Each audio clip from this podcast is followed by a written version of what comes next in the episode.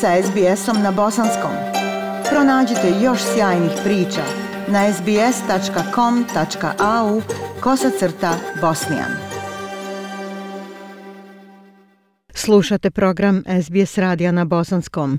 Ja sam Aisha Hadži Ahmetović. Mada je ime profesora Edhema Čustovića jako dobro poznato bosansko-hercegovačkoj zajednici u Australiji, a kroz njegovu fondaciju Bosnian Future Foundation i u prvoj domovini Bosni i Hercegovini, pandemija je učinila svoje sa svim živim aktivnostima, a pogotovo u ovom našem dijelu svijeta pod južnim nebom. To ne znači da je Bosanska fondacija budućnosti mirovala. Naprotiv, puno se radilo, nego ja na pomalo okolišan način hoću da kažem da se odavno nismo čuli sa profesorom Čustovićem, pa evo danas premoštavamo široku rijeku vremena od dvije godine i radujemo se da čujemo o novim projektima fondacije. Dakle, naš današnji gost je profesor elektronike na La Trobe univerzitetu u Melbourneu, dr. Edhem Čustović. Profesore Čustoviću, srdačna dobrodošlica u program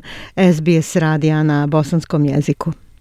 Hvala mnogo Ajša i hvala na lijepom uvodu. Vas da se postidim kad, kad mi date tako lijep uvod, ali odmah bih te kažem da iza svega toga divnoga stoji jedan veliki tim entuzijasta, ljudi koji jel, vole svoju domovinu, tako da ih odmah unaprijed sve pohvalim da ne bi bilo slučajno da ja stojim iza svega toga, ali hvala svakako. Recite nam kako ste proveli ove dvije pandemijske godine, kako se nismo čuli, šta se sve dešavalo sa Bosanskom fondacijom budućnosti. Zbog nemogućnosti putovanja i dolaska u Australiju, pretpostavljam da je razmjena studenta između Australije i Bosne i Hercegovine bila obustavljena. Recite nam kako ste funkcionisali tokom pandemije. Pa vrlo interesantan i izazovan period moram priznati kako za fondaciju, tako i vjerujem za svakoga koji je imao neku vrstu aktivnosti koja je zahtijevala, da kažemo, fizički da budu na nekoj lokaciji. Ali mogu isto tako priznati da je fondacija budućnosti u Bosni i Hercegovini i kako bila super aktivna tokom ovog perioda. Reću vjerovatno najviše zbog toga što smo mi već i prije pandemije bili prilično agilno raspodijeljeni i agilno e, naš rad djelovao širom Bosne i Hercegovine, tako i u našoj dijaspori. Zbog tog našeg agilnog pristupa rada u smislu da smo vrlo brzi u reagovanju, e, prepoznavanju nekih problema koji tek dolaze, mi smo uspjeli da prilično brzo reagujemo i uspostavimo rad online, gdje smo već ranije radili online, uzmajući obzir da mnogi naši volonteri žive van Bosne i Hercegovine, tako da koristeći najnovije digitalne alate, s kojima su vjerovatno i neki ljudi prilično dobro upoznati, brzo smo reagovali i prvu stvar koju smo uradili na samom početku pandemije, pružili smo veliku podršku nastavnicima u Bosni i Hercegovini, kao i studentima u Bosni i Hercegovini, E, s jedne strane nastavnicima da uspostave online nastavu, e, s druge strane studentima da dobiju dodatno podučavanje, jer dok su se nastavnici prilagođavali online nastavi, trebalo je te studente i podržavati u njihovom razvoju da ne bi zaostali sa svojim vršnjacima iz drugih država. Uspostavili smo, mogu reći, najveći program obrazovanja nastavnika u Bosni i Hercegovini što se tiče digitalnih alata, kako bi oni mogli održavati svoj nastavni plan, ali ono što nas je iznenadilo u uspostavljanju tog e, kursa, online kursa, jeste da su kolege iz Hrvatske, Srbije, Crne Gore, e, Makedonije i drugih zemalja u regionu koji, pa kažemo, imaju ljude koji pričaju naš jezik, također se priključio ovom kursu i na kraju je e, pohađalo preko 7 ili 8 hiljada nastavnika iz tih zemalja ovaj kurs koji smo uspostavili ali možda jedan od najljepših primjera toga jeste ta, ta veza koja je napravljena između nastavnika i susjednih zemalja, da prepoznaju da imaju jedan zajednički problem, a to je kako se boriti s pandemijom, kako motivisati studente, kako održavati interesantnu online nastavu, a mi smo kroz svoju mrežu poznanika, koja se, jel, da kažem, nalazi u 30 plus 35 zemalja svijeta, uspjeli da pronađemo e, bosance i hercegovce koji su eksperti iz ovih oblasti i koji su pomogli svojim zemljacima da, da krenu u pravom pravcu.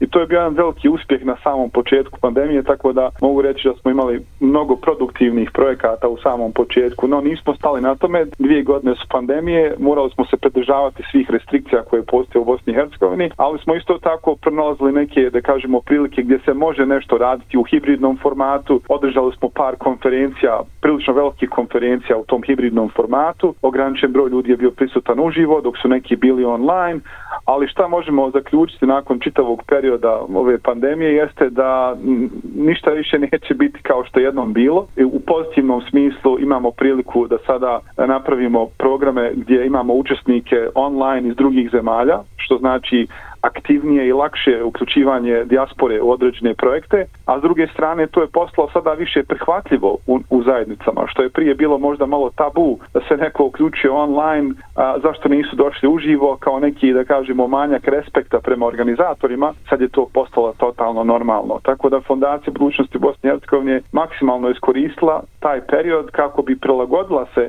novim a, radnim okolnostima, a uvijek pružala priliku mladim ljudima kao i nastavnicima i drugima u široj zajednici. U tehnološkom svijetu u kojem danas živimo svakako da geografska udaljenost više ne predstavlja prepreku za uspostavljanje komunikacije, razvijanje saradnje i razmjenu ideja.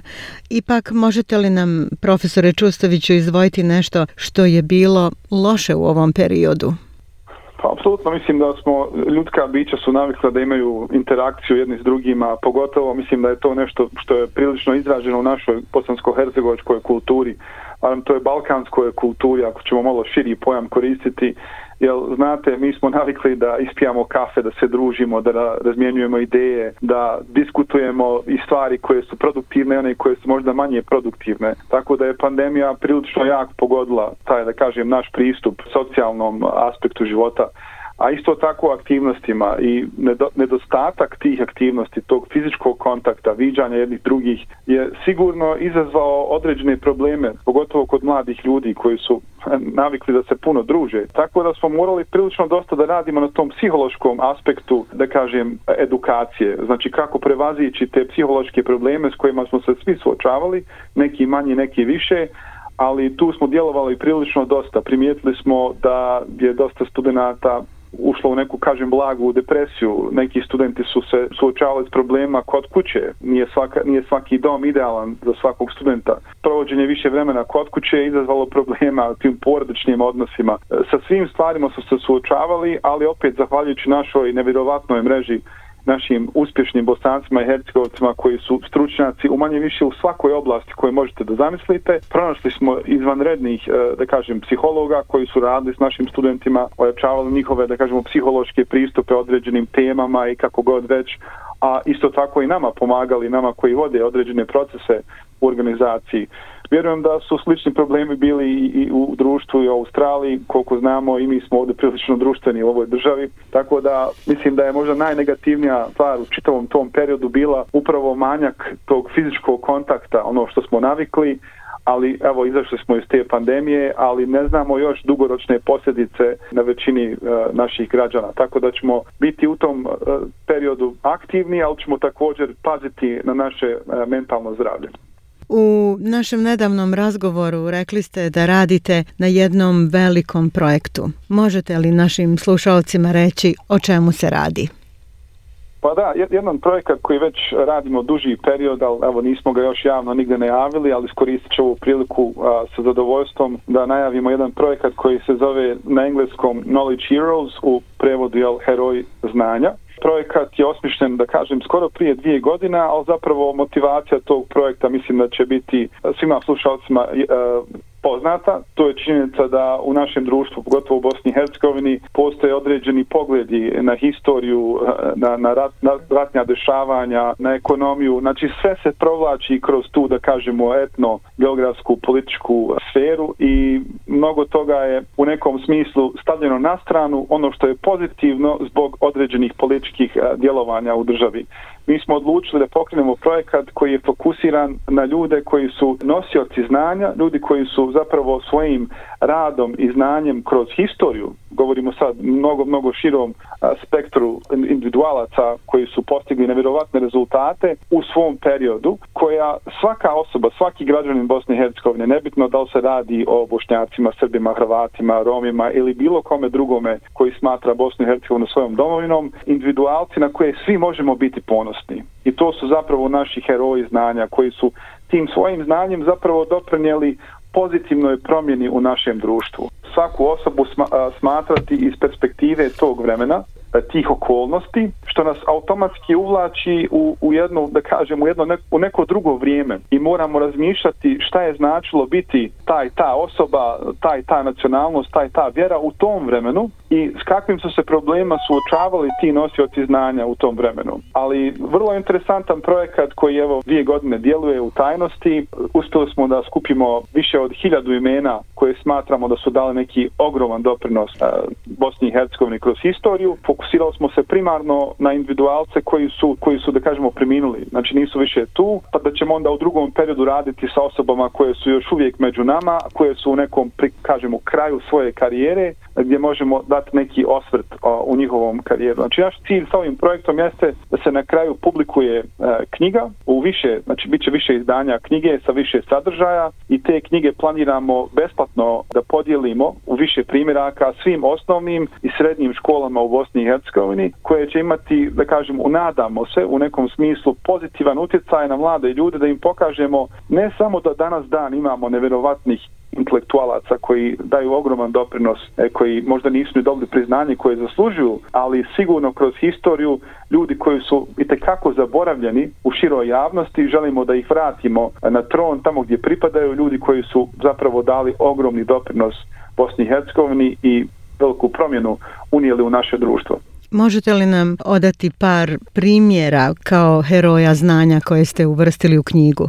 Pa, da ću vam dva, tri primjera, vjerovatno jedan primjer može biti poznat e, jel, ovaj, slušalcima, da se radi o jednoj osobi koja je nedavno bila u jednoj vrlo popularnoj seriji koja se tiče Osmanskog carstva. Neću vam dati sada previše podataka, ali vjerujem da znate o kojoj se seriji radi. Jedna osoba koja se pojavljuje u toj seriji se zove Nasuh Matrakća Visočak. Kao što mnogi mogu prepoznati, Visočak zapravo identifikacija osobe koja je rođena u Visokom, ali je naravno odrasla i provjela većinu svog života u određenim e, krajevima Osmanskog carstva izvanredna osoba koja je bio i matematičar i kartograf, e, kartograf izmišljao e, novo oružje, slikao je, znači radio je milion i jednu stvar i u to vrijeme su ga smatrali zapravo i danas dan ga smatraju bosansko-hercegovačkim Leonardom da Vincijem. Mnogi bosanci hercegovci nisu čuli za ovu osobu, a, toplo preporučujem da ga malo istražite, bit ćete fascinirani kao što sam ja bio e, drugu osobu kao primjer ću vam dati prvu ženu koja je pokrenula zapravo školu za žene u Sarajevu, to je Staka Skenderova. Također mnogi ljudi nisu imali priliku da saznaju o njenom životu i šta je značilo biti žena e, sredinom 19. vijeka, a kamoli pokretati školu za žene u to vrijeme. To su zaista e, vrlo bitni trenuci u našoj historiji, ljudi koji su žrtvovali svoj život i mnogo rizikovali da bi uspostavili nešto što u to vrijeme nije bilo prihvatljivo u širem društvu. I možda kao zadnju da završimo kao još jedan primjer, iskoristit ću još jednu ženu, jer smatram da su žene dosta zaboravljene u historiji Bosne i Hercegovine, a to je doktor Ševala Zilđić i Blizović. Radi se o prvoj ženi musliman u to vrijeme koja je postala doktor, medicinski doktor, koja je zapravo morala tražiti dozvolu od Rej Suleme u to vrijeme da bi uopšte mogla da ide na do, dodatno školovanje. Jer morate, ne smijete zaboraviti da u to vrijeme žene muslimanke pogotovo e, nije im bilo dozvoljeno da se školuju na tim višim nivoima. A kamoli da idu van Bosne i Hercegovine na univerzitete da se školuju, da kažem, u, u medicini ili drugim oblastima. Tako da, da nadam se da ta tri primjera pokazuju na kojoj temi funkcionišemo, šta želimo da postignemo i nadamo se da će biti velika motivacija, a isto tako i neki izvor zabavni za naše donatore, mentore, ljude koji nas podržavaju, a generalno svim bosancima i hercegovcima da nauče nešto novo i da opet vratimo uh, duboki fokus na znanje, jer znanje je moć, a fondacija budućnosti u Bosni i Hercegovini i tekako to cijeni i uvažava svakodnevno. Ideja je zaista veoma pozitivna, motivirajuća, inspirativna za mlade ljude, pogotovo koji ideale treba da traže u stalnoj edukaciji, u kreativnim i mislećim ljudima, a ne u ispraznosti zabave i dokolice. Profesore Čustoviću, uvijek nešto učimo i naučimo od vas. Sjećam se kako su učenici bosanske škole bili oduševljeni bašom idejom voluntarizma o kojoj ste govorili kada ste posjetili školu. Govorili ste o značaju onoga šta ja mogu ljudima dati umjesto onoga šta ću dobiti.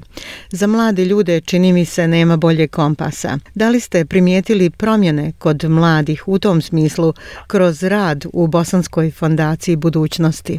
Apsolutno, ovaj, primijetili smo od samog početka da polako mijenjamo ono što smo mi eh, sebi zacitali kao cilj, jeste da promijenimo eh, taj mindset mladih ljudi u Bosni i Hercegovini. Zapravo njihov stil razmišljanja, ta kultura koja je usađena ovaj u bosansko-hercegovačkoj djeci da mnogo toga je teško, mi to ne možemo, da imamo kompleks manje vrijednosti, da zapravo ne treba previše sebe davati jer se izlažemo nekom nepotrebnom riziku, ne trebamo postavljati previše pitanja jer pitanja nas opet stavljaju u poziciju gdje možemo pogriješiti, gdje možemo ispasti glupi, šta god već. Znači polako razbijamo mentalne barijere koje su usađene kako kulturološki, tako da kažem i, i s vremenom i, i tim ratnim dešavanjima i svim što se dešavalo, polako razbijamo taj mentalitet. Naravno, to je dugoročni projekat na kojem radimo već ovo 5, 6, skoro 7 godina, ali mladi ljudi i tekako koji prolaze naše programe, koji su tu već, da kažem, neki niz godina sa nama, koji rade na projektima, koji shvataju da nije dovoljno biti samo dobar u svojoj struci, zarađivati i pružati nešto svojoj porodici. Znači, moramo biti aktivni građani. I to znači kada dođemo u poziciju gdje imamo, gdje možemo, a to ne mora značiti specifično da čekamo penziju gdje teknemo neko bogatstvo, neko malo bogatstvo ako živimo na zapadu, već da možemo početi pozitivno djelovati u bilo kojem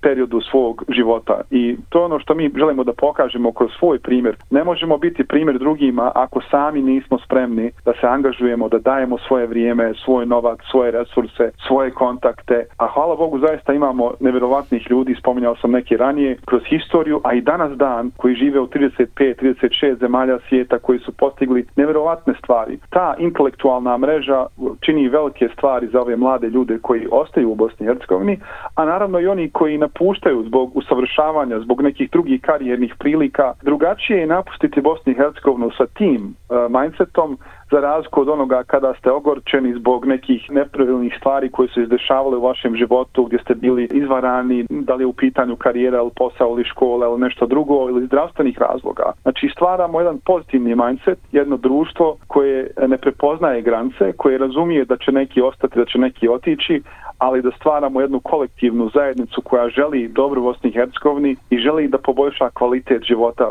primarno, a sve ostale stvari stavljamo, da kažemo, na drugi plan, jer znamo da postoje drugi ljudi koji se bave tim stvarima. Tako da zaokružim čitavu priču i kako ima veliki utjecaj. Nedavno se imao jedan pozitivan razgovor s jednim od naših stipendista koji je proveo neko vrijeme u Australiji. Možda se ga tak, čak i sjećate iz tog perioda Momču Amović, mladi inženjer sa Sokoca, koji mi je neki dan napisao poruku, evo primijetio sam da određeni ljudi su otišli u Njemačku i u Ameriku na daljno usavršavanje, na neki privremeni boravak ali kaže ja ostajem u Bosni i Hercegovini, e, evo da mu čestitamo također, on se ženi u, u, u augustu, ali to, to nije toliko bitno koliko je bitna ta rečenica, ja ostajem ovdje i ja želim da moja djeca odrastaju ovdje u Bosni i Hercegovini, uvijek možete računati na mene kao nekog ko će biti stub u barem u ovoj svojoj zajednici. I to me pravo obradovalo, to zaista znači da smo ono što smo radili godinama, barem eto, u jednoj osobi kojeg smo dobili e, neki input, vidi budućnost u Bosni i Hercegovini, vidi da postoji pozitivan neki ugao u svemu tome, u tom ludilu kojeg svakodnevno slušamo preko javnih medijskih servisa. Postoji mnogo pozitivnih stvari, ali zaista se moramo osvrnuti na pozitivu, jer pozitiva stvara pozitivu, a ako se budemo zatvorili u negativnu tematiku, tu nema kraja, tu zaista možemo propasti i uvijek možemo propasti dublje. Pored isticanja vrijednosti dobrovoljnog rada, obrazovanja i pogleda na svijet, eto kroz heroje znanja, E, vi podržavate rad mnogih institucija. Moram pomenuti slušaocima da ste redovni donatori i vi i vaš brat nagrada za najbolje maturante Bosanske škole u Viktoriji. Također donirate rad Community Radija 3 Z, Bošnjačkog radija i tako dalje. I vi i u Bosni i Hercegovini, ističući vrijedne pojedince, prevazilazite sve moguće razlike i nacionalne i vjerske, što je zaista dio istinskog bića jednog bosansko-hercegovačkog čovjeka. A da li se, profesore Čustoviću, ipak srećete s nekim problemima u vašem radu? Apsolutno problema ima, eh, svakodnevno se suočavamo s problemima. Problemi dolaze iz toga što ljudi imaju zatvoren um prema nekoj promjeni i ta promjena znači nešto pozitivno, ali ne, ne smijemo zaboraviti da ljudi se boje promjene, kako u Australiji, tako i u Bosni i Hercegovini. Tako da najviše se susrećemo s tim problemom da ljudi možda ne vjeruju istinski ono što mi želimo da postignemo ili smatraju da uvijek postoji neka kočnica, da uvijek postoji neko s one strane, a postoje navodno tri strane u Bosni i Hercegovini, dok u našim glavama postoji samo jedna strana, ova za koju mi zapravo navijamo, za koju mi se zalažemo, a to je ona pozitivna promjena koju želimo da vidimo. Tako da je više mentalni sklop određenih ljudi nego što je nešto kao neka prava prekretnica u našem uh, finalnom cilju, a to je prosperitet Bosne i Hercegovine kao jedne moderne zajednice. Za kraj recite nam imali neke šanse da u skorije vrijeme zakažete neki veliki skup BH Future Foundation i šta bi bila vaša poruka slušalcima SBS radija?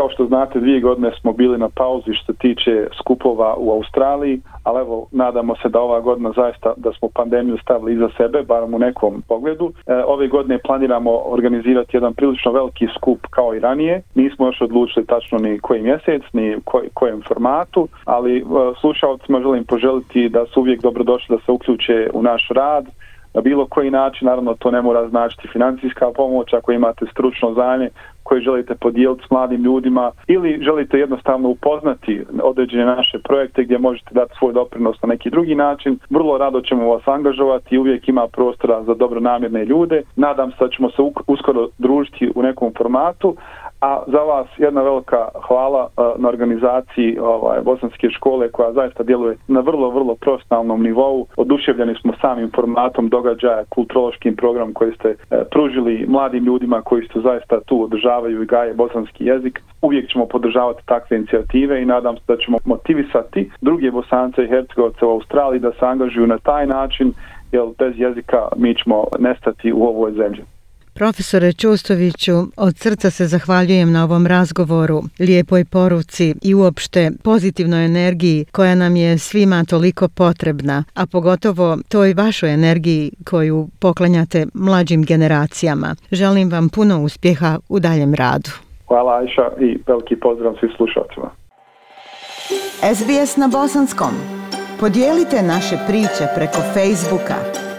Želite poslušati još ovakvih priča? Slušajte preko Apple podcasta, Google podcasta, Spotify ili kako god da primate svoje podcastove.